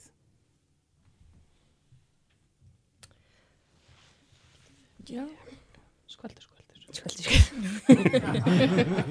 Þetta er ekki úr söngleik? Nei, þetta er ekki úr söngleik. Það skemmir svolítið fyrir okkur. það var ein og ein spurning þessari keppni mögulega sem ekki tengið söngleikin oh, Æ, come on. Skaldrið aðeins herra svo við heyrum. Herri, ekki bara Jú, Ég, ég mun örglega að heyra það. um leið og ég... frekar þetta Já, kannski. Já, ég lefi þér, ráða Er, ég segi 1994. Það er ekki rétt, Rúf. Þú stóð þetta þessu? Ég, nei. Ég sá þú skrifaðir eitthvað. Ég var að binda vonið. Já, ég var, já. Það var bara um taugaverklunar. Hefði, ég tók ekki eftir því, en eigum að skjóta á, veljum bara eitthvað gott ár. Já. The Smashing Pumpkins, eða eru að syngja svona um samtíman eða eru verið fortíðinni. Nú er ég ennþá með sko hljómandi Það heitlaði 1963. ég líka. Ég spennt, sko. Og ég er með svari við þeirri spurningu. eh, Hvað er maður að segja? 85? Já, það er gott mitt fæðingarár. Ah. Það er ekki rétt, fáum við Shakedown 1979. Þetta er 1979 hérna sagt, uh, svona unglinga ángistar bandaríst rock sem að, að hérna Mm. bara, bara hápunktur tónlistarinnar út, út í það farið en, en hérna við keirum áfram, Rúf fær áfram svarréttin á undan uh, Dolores Hayes var tragísk sögupersona í skáldsögu frá árinu 1955 Bókin er talin eitt af öndvegisverkum 20. aldar en hefur alla tíð verið umdeild og er stundum sögð ein mískildasta skáldsaga allra tíma. Dolores Hayes er þó sjaldnast köllu sínu rétta nafni í bókinni heldur öðru og þekktara heiti. Hvert er það? Ég var að hugsa nákvæmlega Aha, saman. Já. ef við ekki bara skjóta það? Jú, við ætlum að segja Lolita. Það er hár rétt og við höldum okkur við stórbókmentir 20. aldar fréttablaðið The Great Gatsby eftir F. Scott Fitzgerald frá árunni 1925 lýsir hömlulausu glamúr lífi ungs efnafólks á djassárum eftirstýrisárana. Aðal personan er James Gatz, blásnauður sveitapiltur sem verður miljónamæringur, tekur upp nýtt nafn og verður Gatsby hinn mikli. Hvað kallaðist Gatsby að fornafni? Það nafn er vel að merkja millinafn einnar vinsælustu teiknimyndapersonu bandaríkjana síðustu áratvíðina.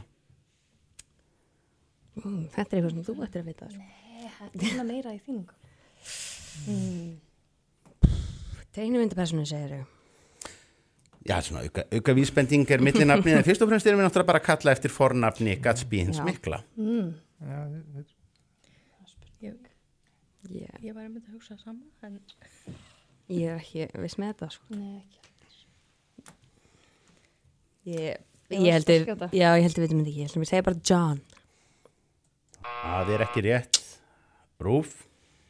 Hefur ekki skáta? Já, það verður að spyrja um formnafni, þess ekki millinafni. Fornafni, fornafn bókmyndapersonar er það sama og millinafn á frægri kve- Já, ok. teiknimyndapersónu. Mm, já, það var millina. Já, ok, En fáum við ekki bara... Við, fáum, við hljóttum að fá eitthvað. Fáum skot. ok.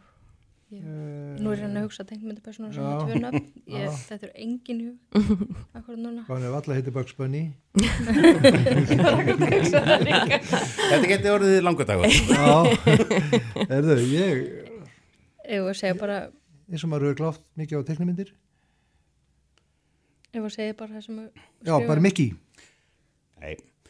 Heyrðu, þetta er J. Gatsby, heitir personan og þetta er millinafn Homer Simpson. Ó. Já, já, já, já. Ég var að spáði nefna Simpson, ég bara fann eitthvað tengingu.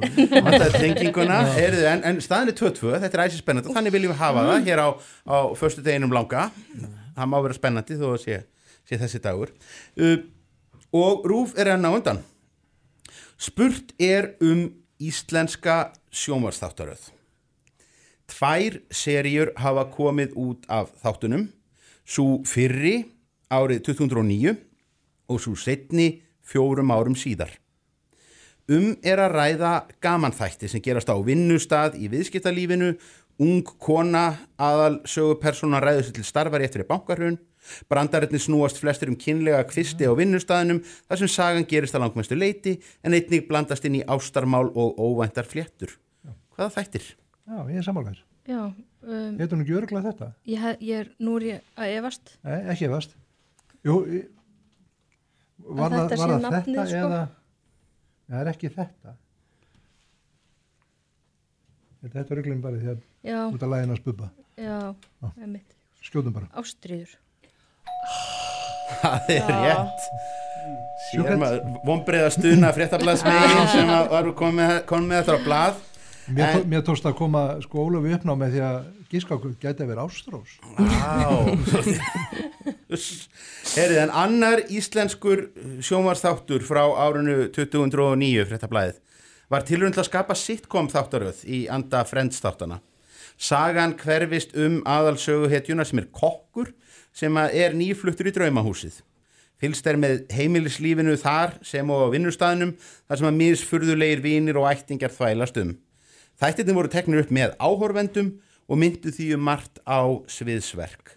Hvaða sjónvarsþættir voru þetta? Þetta er eitthvað sem ég á að Þetta sem sjónstættir með þá áhörundum í sal. mm Ég sé það alveg fyrir mig sko uh, Gáttu ekki fengið hinn spurning Það er nefnilega alltaf þannig sko. Það er hlutkestið sem að ræður þessu öllu sko. Já, vissulega. Það er mikið margir þættir síðust árum sem hafa verið... Nei, þetta var náttúrulega 2009 Já, Tími flýgur sko, þetta er orðin ansi mörg ár. Þetta er orðið svolítið mörg ár sko. Mm. Úff, ég, ég man ekki hvað hann Fáum við enga ágiskun? Nei, ég bara get ekki eins og skotið að það Lýsfélagið minn kannski meira til ég að skjóta eitthvað, skjóta eitthvað, hvað er með það, eitthvað, hvað dettur í hug? Fyrst orðið sem ég dettur í hug? Fyrstu, það er náttúrulega að vera held ég ekki með hérna í sal en ég ætla bara að giska síðan sketsþáttur sem ég man eftir var bara þær tvær. En ekki í sal. Herðu, Rúf. Sko ég veit, ekki- þetta er eitthvað í huga annað? Ekki neitt. Ég man eitt hvort hvenar þessi þáttu var eða hvort það var áhörendur en Nei.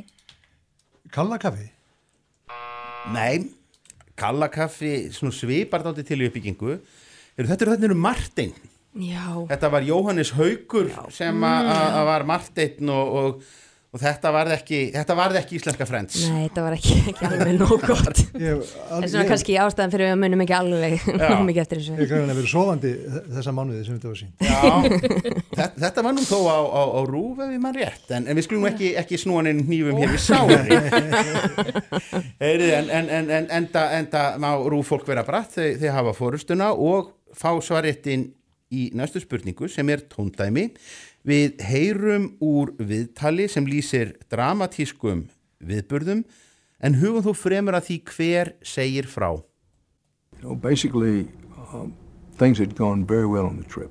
I was was there. Uh, I didn't I didn't hear any shots. I didn't know that anything had gone wrong. Uh, it was a fairly big crowd over in front of the school book depository, but there were very, very few people where I was beyond the tunnel. Uh, underpass, it really wasn't a tunnel. Uh, but I thought that the I thought I saw the president's limousine really speed past going lickety split, but it happened so quickly I wasn't even sure it was his limousine. I kind of said, "Well, was that the president's limousine?" Hér lísti gamal reyndur fréttamaður upplifun sinni af deginum þegar að Kennedy fórseti var skotin. Hver er fréttamaðurinn? Ó.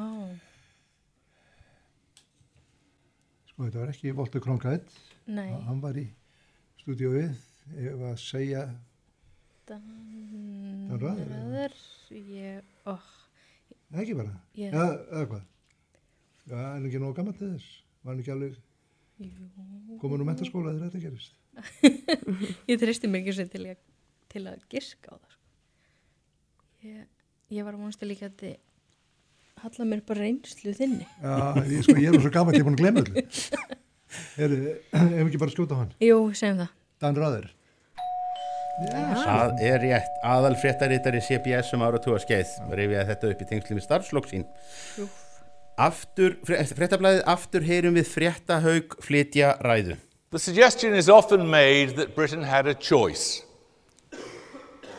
I don't really share this analysis. Was it worth the lives of three quarters of a million British service personnel? Probably not. Nothing is really worth that volume of life. We went to war in the end because British main, the main British interest in Europe had been to ensure that no one power became dominant in Europe.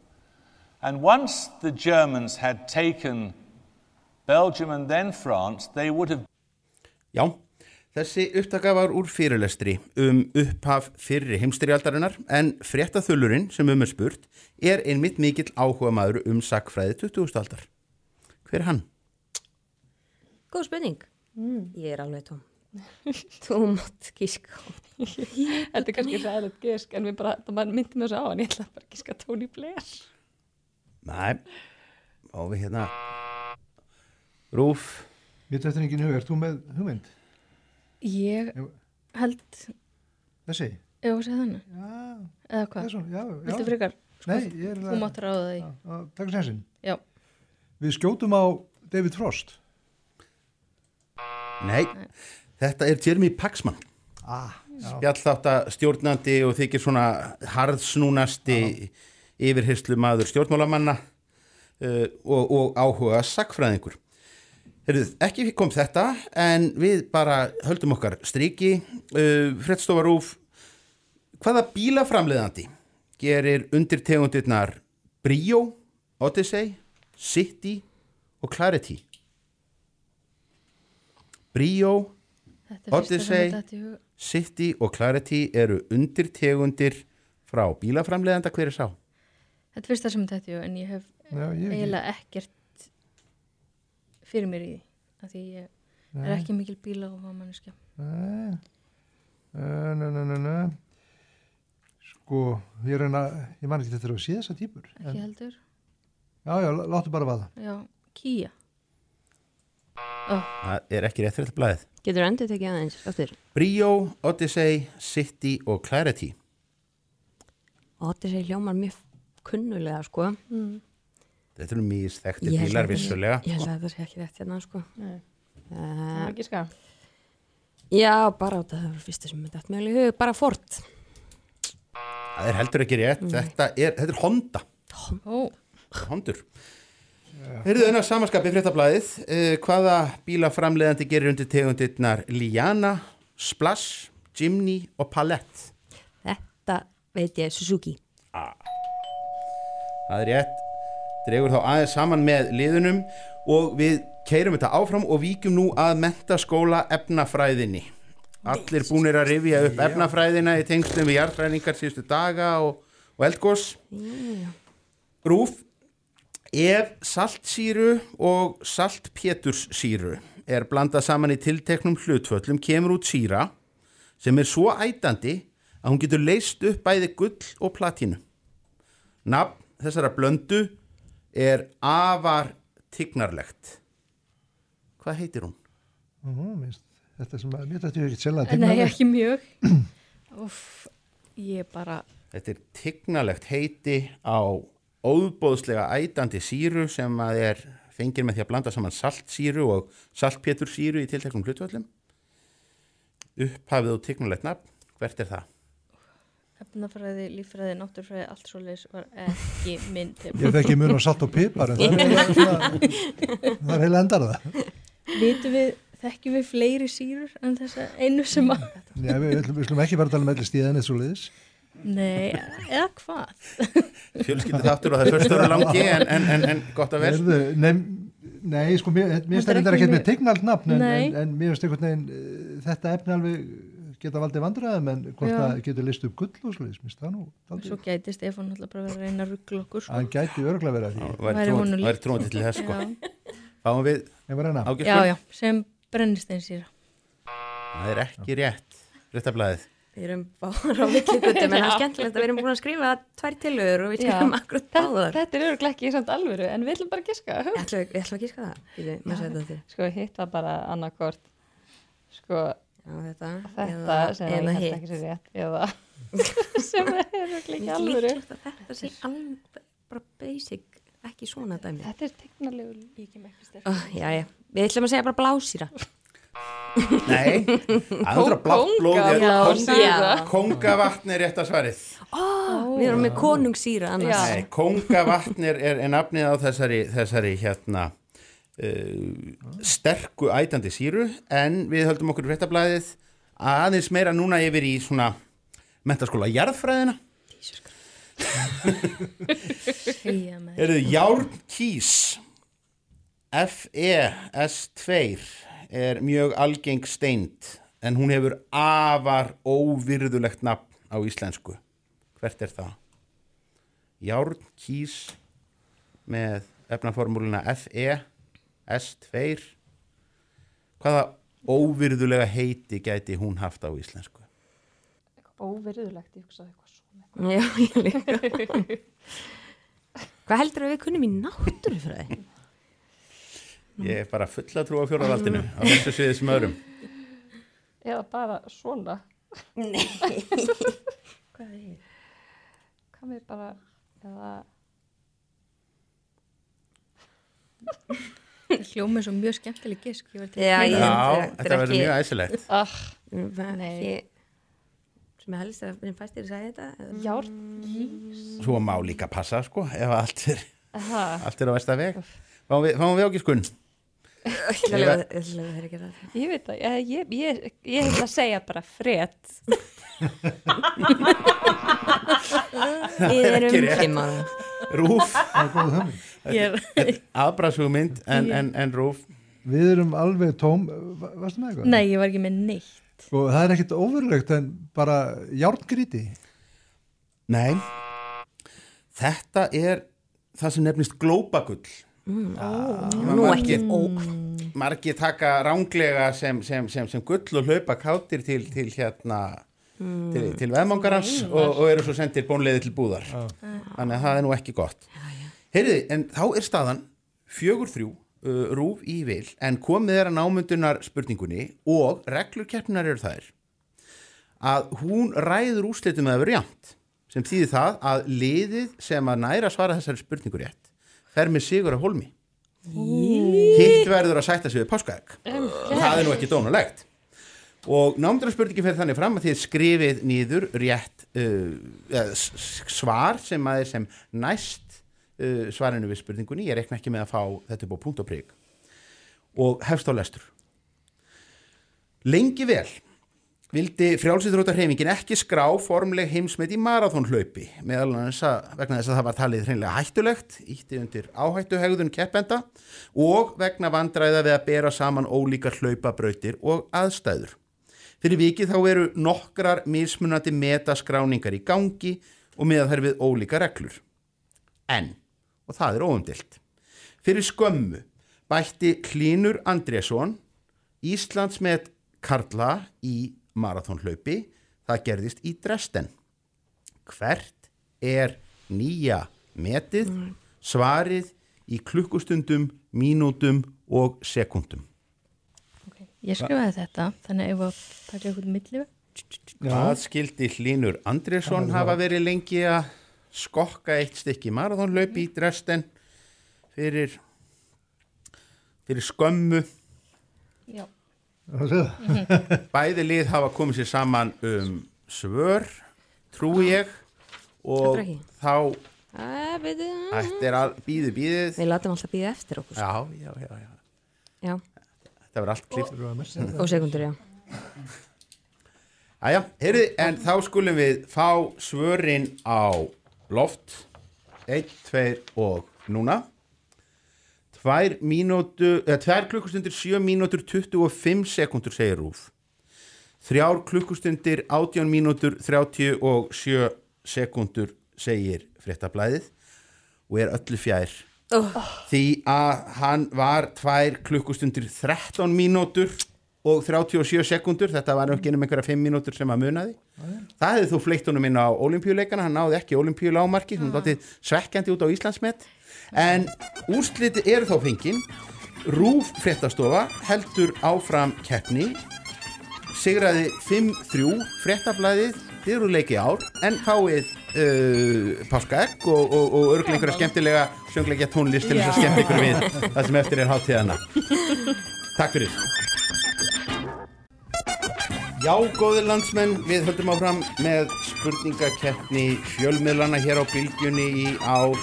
Það er önnur umferð, uh, allir helstu fjölmiðla landsins keppast um titilinn uh, klókasti miðillinn og berjast um góða vinninga.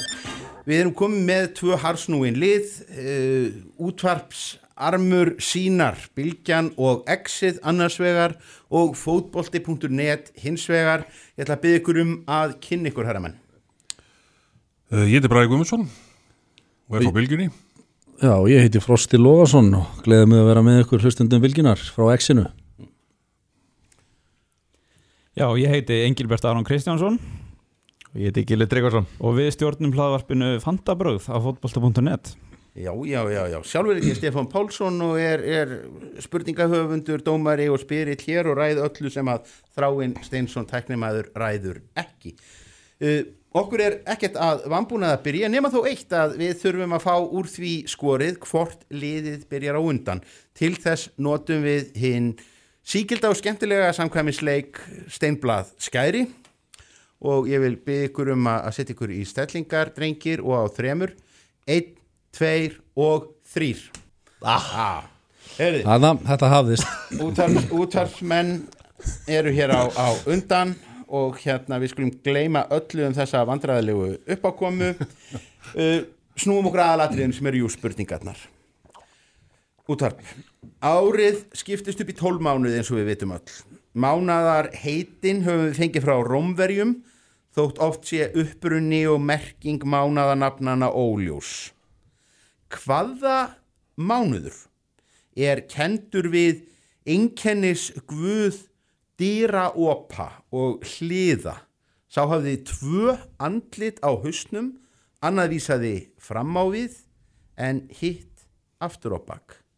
Hvaða mánuð er ég að spyrja um? Já. hér er alltaf líkunar einn á móti tólfi þannig já. verða gæti það nú verið? Ég kannast nú bara ekki við þessi fræði, sko, því niður. Nei, ég hérna... Ringir þetta einhverjum bjöllum með þér? Já, þessi hérna, svona, allan til þess að byrja með, en síðan náttúrulega spurning með, en, en þessi hérna er alltaf, alltaf sterkur. Já, bara, ég segi það, bara kýlum á þetta. Já, uh, við tökum bara í janúar.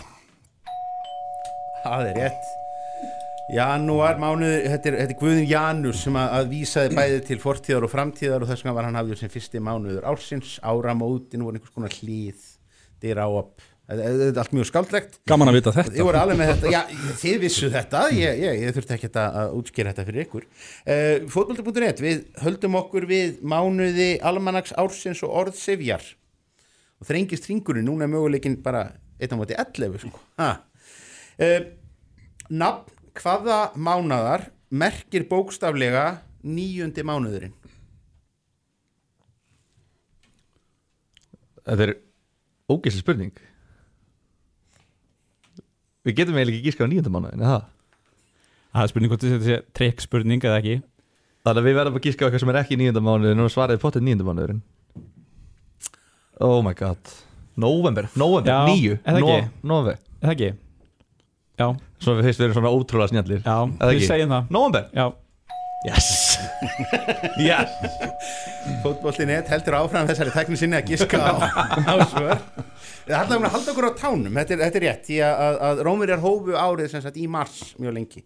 Og þess vegna var sem sagt uh, það sem við teljum 11. mánuðin, 9. mánuðurinn þar.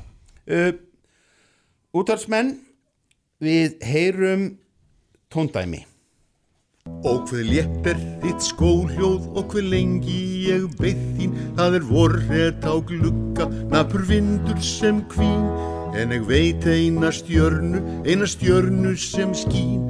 Og nú loks ertu komin, þú ert komin til mín.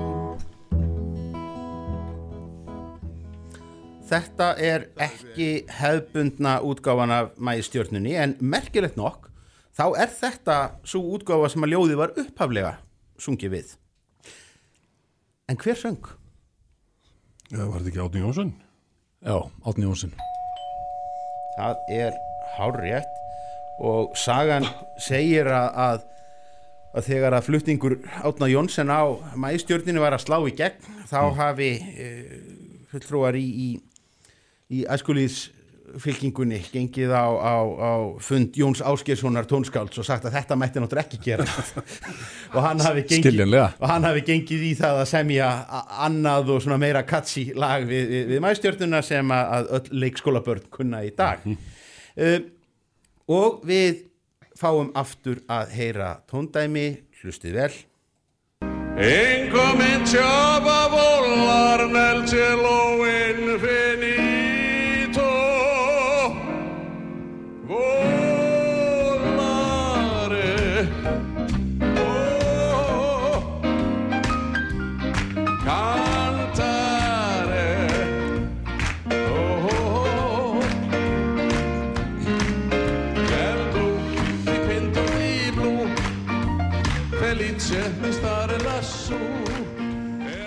Já, aftur heyrðum við í söngvara sem er kunnari af stjórnmála sviðinu og það á hægri vangnum.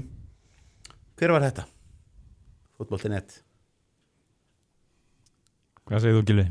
Þú ert eldri en ég Þetta er eitthvað mjög gamalt Gamalt kall að syngja þetta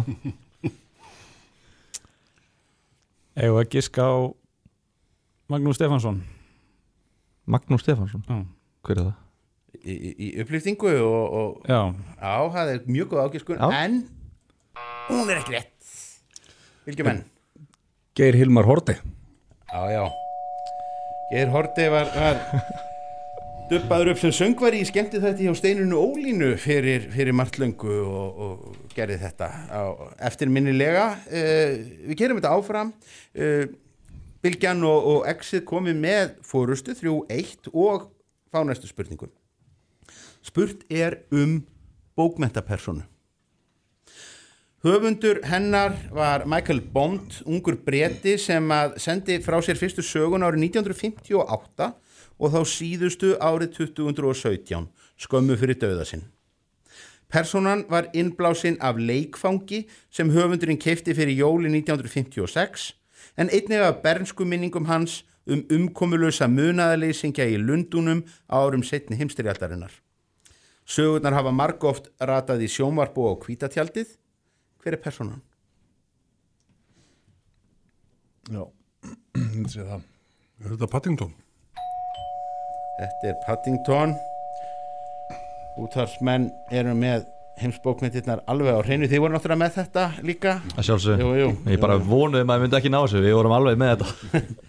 Þið- ykkar tími mun koma. Aftur spyrjum við um barnabókapersonu Hún er eftir bandaríkjamannin Evelyn uh, Brooks White sem er líklega frægastur í dag fyrir bók sína um VF Charlotte. Persóna þessi hefur mannlega eiginleika að öllu öðru leiti en þegar kemur að útlitinu. Persónan kom fyrir í bók frá árinu 1945 sem var í miklu metum í bandaríkunum. Íslensk þýðing kom út nokkrum árum síðar en vekti takmarkaða aðtikli en hún var svo endurútgefin um aldamótin í tengslu við vinsaldir Hollywoodmyndar sem byggir mjög lauslega á upphaflegu sögunni. Michael J. Fox talaði fyrir personuna í þeirri mynd. Hver er personan? Er þetta Stuart litli? Vá Vá Þetta var fumlaust og aðdáunin hjá liðsfélaganum er ósvikin. Þetta var rosalegt. Ég er vel með þetta. Hefur þið haft þetta? Já, já, já, já. leikandi Það er bara þannig Ég, ég, ég kunna menn allar helstu bókundapersonur. Þetta er, ég er búin að undirbúa sig. Það er gott. Uh, fjórða spurning, Bilgjan og Exið. Árið 2014 hófust eldsumbrot sunnarlega í ódáðarhaunni í hólurhaunni, líkt þekktu og líkt rannsökuðu hraunni þar á svæðinu. Eldgósið varð með tímanum eitt stærsta hraungós á sögulegum tíma á Íslandi og vakti heimsatikli. Mörgum fannst nafnið hólurhraun frekar slaft og ekkert sérstaklega lýsandi og var því lengi talað um að gefa því dramatískara nafn sem átti að vísa í sérstakar jarðmyndanir sem einkendu gósið í það minnst í fyrstu. Að lokum var þó ákveðið að halda áfram að nota hólurhrauns heitið.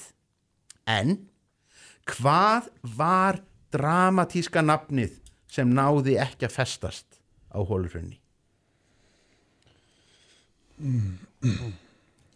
Var þetta hérna þú veist, þú veist við þetta Já, já kom einhver svona Já, að- kom einhver svona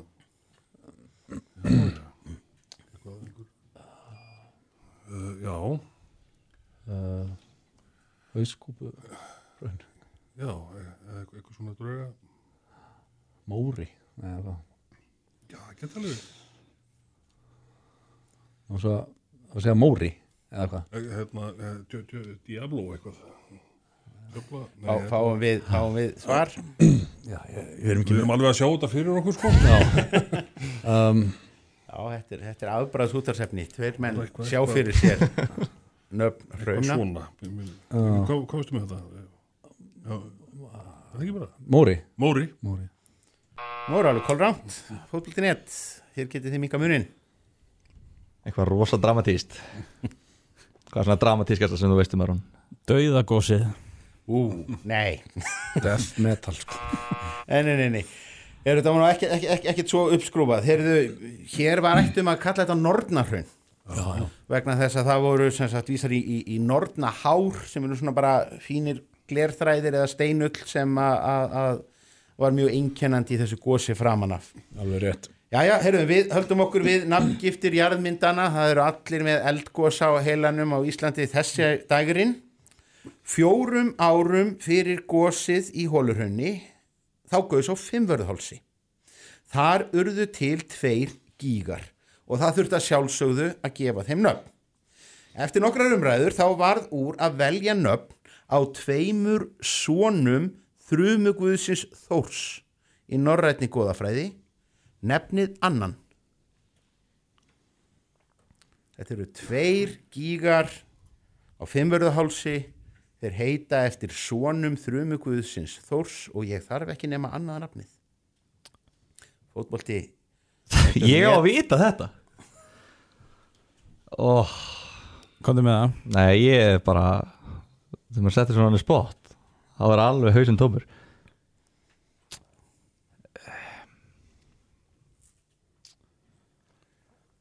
Og ég er bara alveg blank.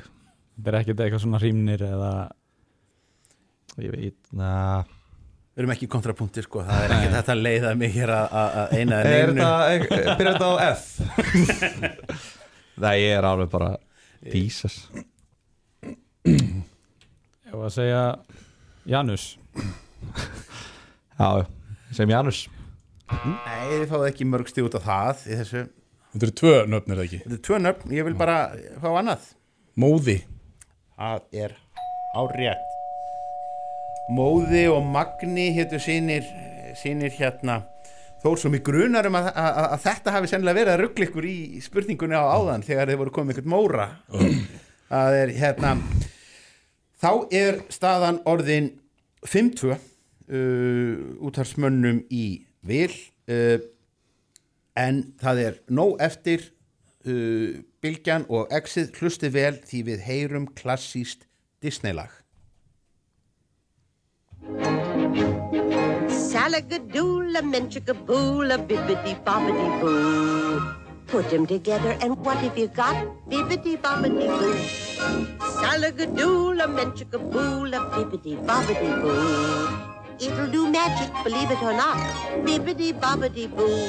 Now salagadoola means a menchikaboola roo. But the thingamabob that does the job. Já, þetta er eitt af stóru Disney-lögunum Það var tilnæmt til Óskarsvælurina sem besta frumsamta lag fyrir bíómynd en tapaði fyrir hennu kunna lagi Mona Lisa eftir Nat King Cole.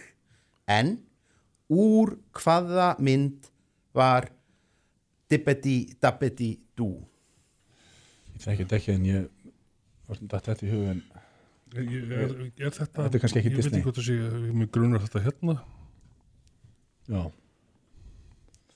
Ok. Þetta geti verið en ég er aðtókum með hinnar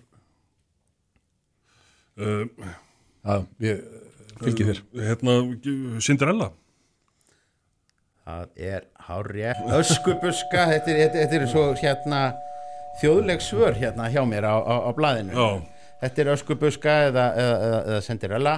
Uh, fótbolti net aftur heyrum við lag úr smiðju Disney.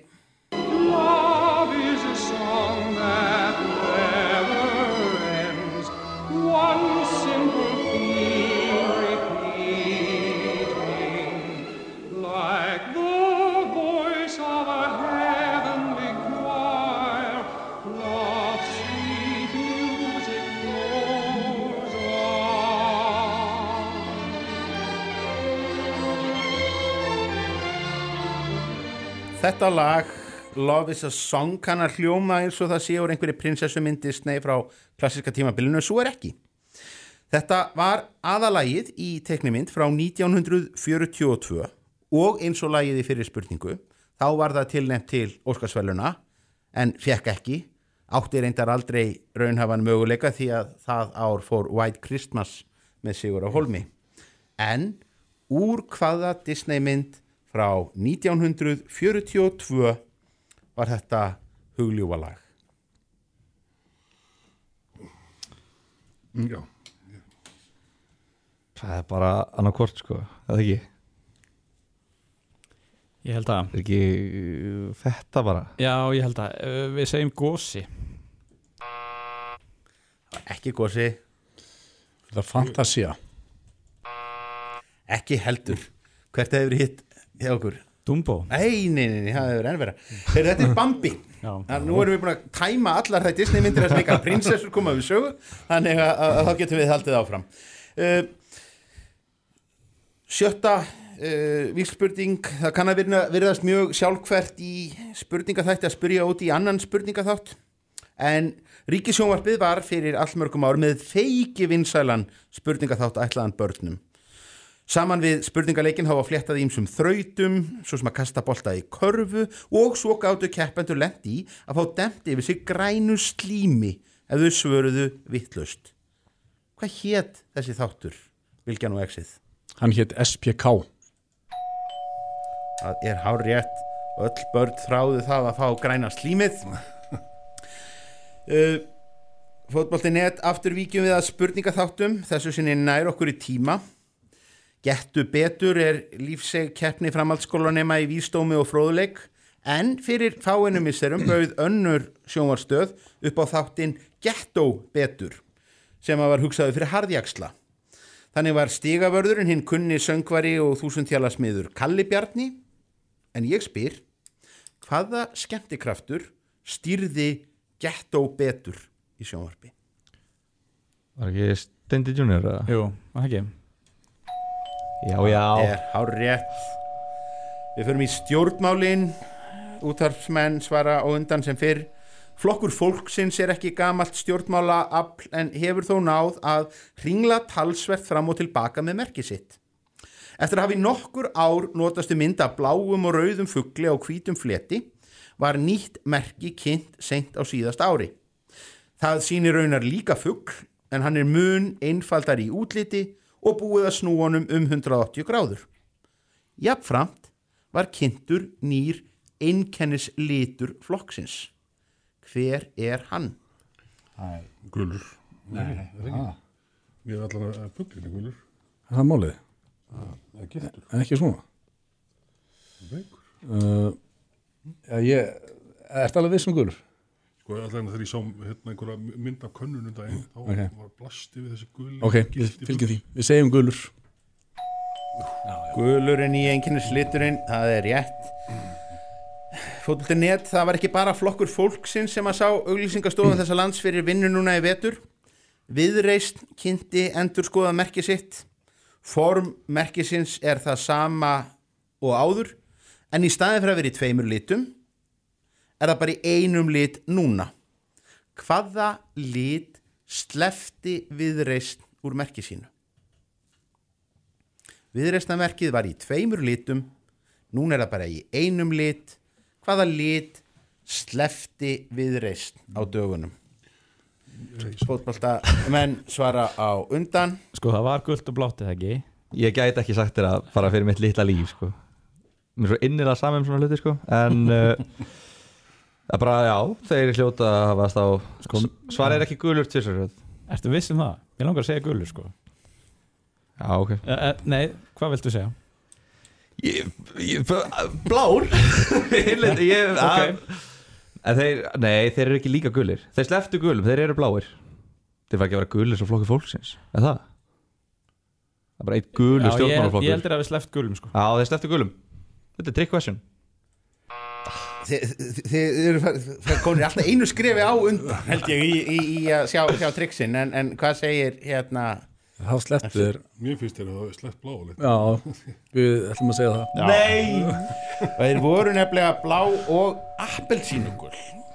Sleftu bláa litnum og eru þar með orðin appelsínugulli flokkurinn. Þannig að þetta var svona höfðu þetta á samanlögðu og nýju þrjú er staðan orðin fyrir út af sviðinu sem er búið að vinna En það er ein spurning eftir, það er námyndir spurningin þannig að hér er færi á að, að, að hérna Klóri baka Já. Uh, Í oktober í fyrra voru dýrafjörðargöng opnuð fyrir umferð. Opnunar hátíðin bara þess raunarmerki að COVID faraldur væri í gangi því ekki var rund að mæta með stjórnmálamenn á svæði til að klippa á borða heldur þurfti ráðþara að halda ræðu á Zoom og byggja vaktstjóra vegagerðanar og Ísafyrði að íta á takka til að lifta sláni En dýrafjörðargöng eru glæsilegt mannvirki. Ég spyr, hvað eru þau löng í metrum talið? Aðeins er miðað við göng í bergi en ekki steifta vegskála við gangamönnuna Hvað eru dýra fjárðagöng margir metrar? Þetta er námyndunar. Hvað eru? Þetta er námyndunar spurningin. Hvað er þessi? Vesturland, Ísland. Ekki aðeins Aha. lengur. Kannski eitthvað í kringum þetta. Ég skil ekki að Meira? Já, fyrir ekki, og Já. eins og læknir. Ég segja það. Já, skal við. Er. Liðin eru komið með, með ágiskanir. Fáum við svarblöð á loft 1, 2 og nú. 3409 og 4000 uh, Ívið hærri talan er útvars manna megin. Mér er meinilega við að gefa þeim rétt fyrir þetta en það verði nú samt að gera því að þetta er hvorki meira en minna heldur en 5301 metra löng göng Úrslitin liggja fyrir uh, útvarsmenn þið hafið farið með sigur á holmi 10-3 en fótbolti net má glæðast því að, að þeir uppskera páskaegg Yes. Takk fyrir. Yes